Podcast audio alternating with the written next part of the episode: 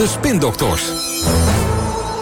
Vorige week stuurde ik podcast spindokters Julia Wouters... de voormalig politiek assistent van Lodewijk Asscher... en oud-VVD-voorlichter Raymond Mens nog op zomervakantie. Ja.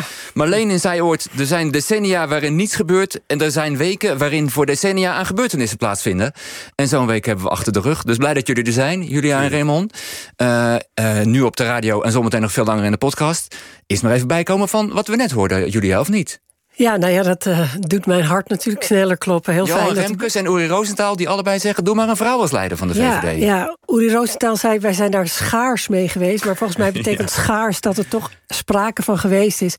Maar wij hebben alleen in uh, de buiten-Nederlanden... dus uh, onze oude koloniën vrouwelijke premiers gehad, maar Kijk, hier okay. nog nooit. Nee, nee, dus het zou zomaar dus, kunnen. Ja. Even terug naar de afgelopen... Wil je iets zeggen, Raymond? Nou, ik hoorde uh, de discussie over een ledenraadpleging... Ja. en ook over mogelijk een lijsttrekkersverkiezing. Ik denk dat dat heel goed zou zijn. Juist ook omdat de VVD... Kijk, je kan veel van Mark zeggen... maar Mark, als hij hier zou zitten, zou hij als eerste ook zeggen... Hè, dat hij ook geen visie had, want daar zei hij voor... dan moet je voor naar de oogarts. Hij zou dat iets genuanceerder zeggen.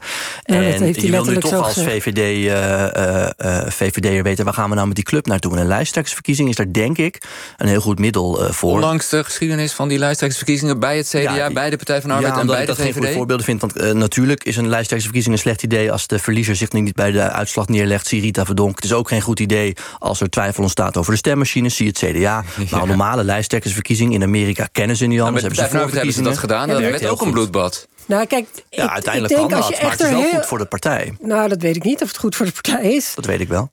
Uh, nou ja, wij hebben zo'n uh, lijsttrekkersverkiezing gehad.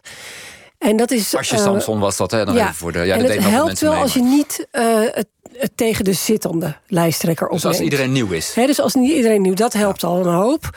Maar ja, bij de PvdA hebben we daar onze bekomst van. Ja, ik geloof wel dat het kan hoor, maar je, je duwt al mensen weg die niet in de, dit, dat risico om niet te worden. Uh, niet willen lopen omdat ze een andere leuke functie ja. hebben... en daar dan ook afscheid voor moeten nemen. Dat is bij de VVD ook het geval, hoor. Dan zouden mensen hetzelfde zeggen als jij van... Ja. Daar zijn we wel klaar mee. Maar ik denk dat het wel goed zou zijn. Ja. Oké. Okay. Nou. Laten we even naar de dag van vandaag gaan. Want het nieuws van vandaag was toch dat de minister-president uh, stopt met zijn werk. Althans aan het eind van uh, deze kabinetsperiode. kan als er nog een heel nieuw, lang duren. Kan nog heel lang duren, maar als er een nieuw kabinet is. Was het onvermijdelijk geworden, Julia? Um, ja, hartstikke. Maar al wat langer dan. de heren analyseerden net. Het is eigenlijk toch begonnen tijdens het 1 april debat. Daar is de val van uh, Rutte ingezet. Nou kijk, ik, ik ben zelfs uh, van mening dat er zou eigenlijk een eindigheid moeten zijn aan de termijnen.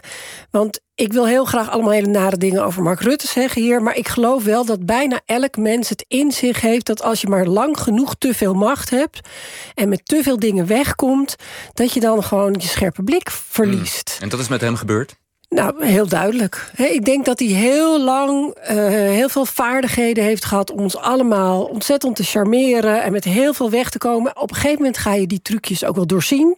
Dan wordt het sleets, dan werkt het niet meer. Maar en de, dat de is kiezer toch... vond het tot de laatste verkiezingen prachtig. Jawel, maar dat kwam ook wel...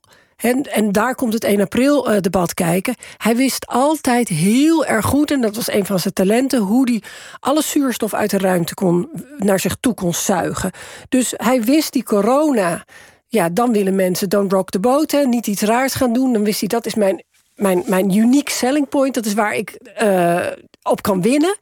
En dan zorgde hij gewoon dat er die persconferenties al maar waren. Dat hij daar dan voor dat lichtblauwe mm. achterwandje stond. En dat voor de rest die debatten allemaal inhoudelijk doodgeslagen werden. En dan, hij, hij bepaalt altijd waar die wel en waar die niet komt opdagen. Ja, ja. Uh, en dan op een gegeven moment dan is er dus nog zoveel debat. En dat komt dan na de verkiezingen. En daar was het 1 april debat.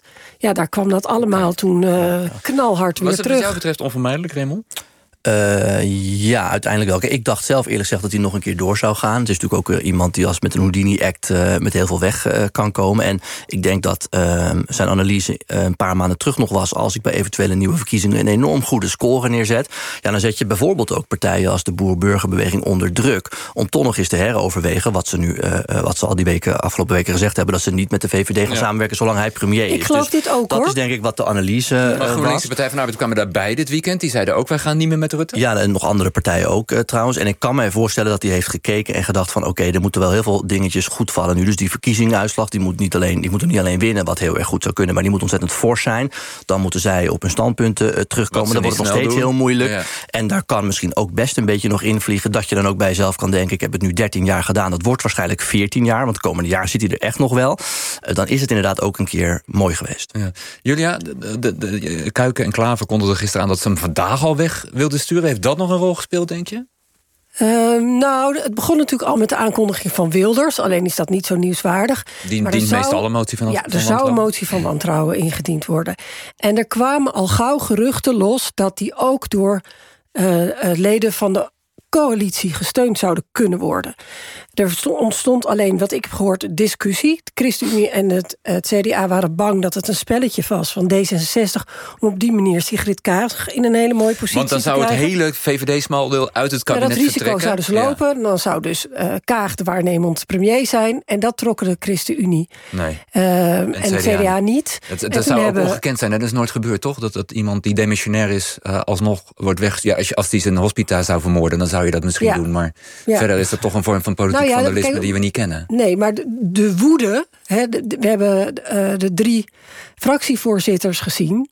Uh, op de avond uh, dat de kabinet viel... die waren allemaal zo gruwelijk woedend. Dan heb je het over uh, Paternotte, Heerma en, en Bikker? Ja, ja Hè, Bikker was natuurlijk in aanloop al... zocht ze de camera's ja, op. Ja. En nee, ze stonden echt alle drie te trillen van woede. Uh, waar de mensen die aan de onderhandeltafel hadden gehad... daar minder last van hadden. Maar deze drie voelden zich echt heel erg genaaid. Ja, en, en dus was er reden voor Rutte om bang te zijn... dat hij ja, want, dit vandaag echt weggestuurd ja, zou worden. Ja, want die gaan die motie uh, uh, steunen. En, moet wel en zeggen, van de wel denken aan dat 1 april debat. En dat deed me weer denken aan een soort verkiezingscampagne... na de verkiezingen. Met andere woorden, dat je dit soort middelen nodig hebt... zoals jij net zegt, om Mark Rutte weg te krijgen. Dat zegt ook iets, vind ik, over de angst bij de oppositie... voor eventuele nieuwe verkiezingen. Ja, ze waren bang dat hij dan de komende tijd zou gebruiken ja, om te weer te Maar ook dat hij mogelijk die verkiezingen weer zou winnen. Ja. Uh, dus het voelt ook een beetje als een hele makkelijke afrekening. En ik moet eerlijk zeggen, daar hebben we het ook in de podcast wel een paar keer over gehad. Uh, we gaan nu ook zien hoe het echt met de Nederlandse politiek gesteld is. Want we kunnen heel veel negatieve dingen over Mark Rutte zeggen. Maar kiezers geven hem toch op grote getalen nog het vertrouwen.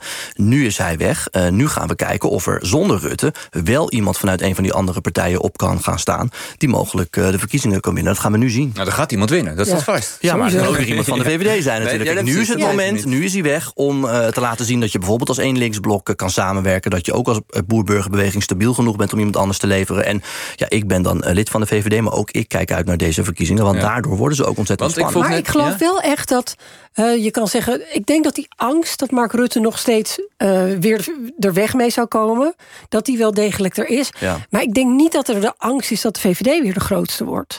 He, dus dat is aan de, de kiezer. Maar um, Mark Rutte was zo ontzettend goed in het politieke spel... dat ja, hij daarmee alles plat sloeg. Even, even en uiteindelijk het land lam, lam legde. Even, laat, gelijk, maar dat is ook de laatste 30 seconden van deze radio-uitzending. We gaan zo door in de podcast, dus er komt nog Gelukkig. veel meer bij rust. Zien jullie een premier rondlopen in Den Haag... bij de andere partijen of bij je eigen partij op dit moment? Wie zeg je, wat is de natuurlijke opvolger van Mark Rutte? Even los van bij welke partij die hoort?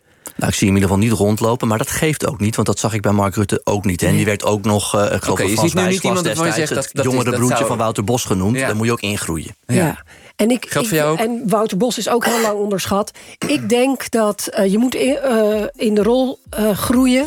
En dat kan ook. Oké, okay, je ziet niemand waarvan je nu al zegt, dat is hem. Nee, maar nee. Ik nee, zou het ook wel fijn vinden... als iemand misschien politiek iets minder handig was. Oké. Okay. Dank voor nu. Uh, Julia Wouters en Raymond Mens. We praten door in de podcast De Spindokters. Die staat vanavond rond 9 uur online... en is te vinden in alle bekende podcast-apps.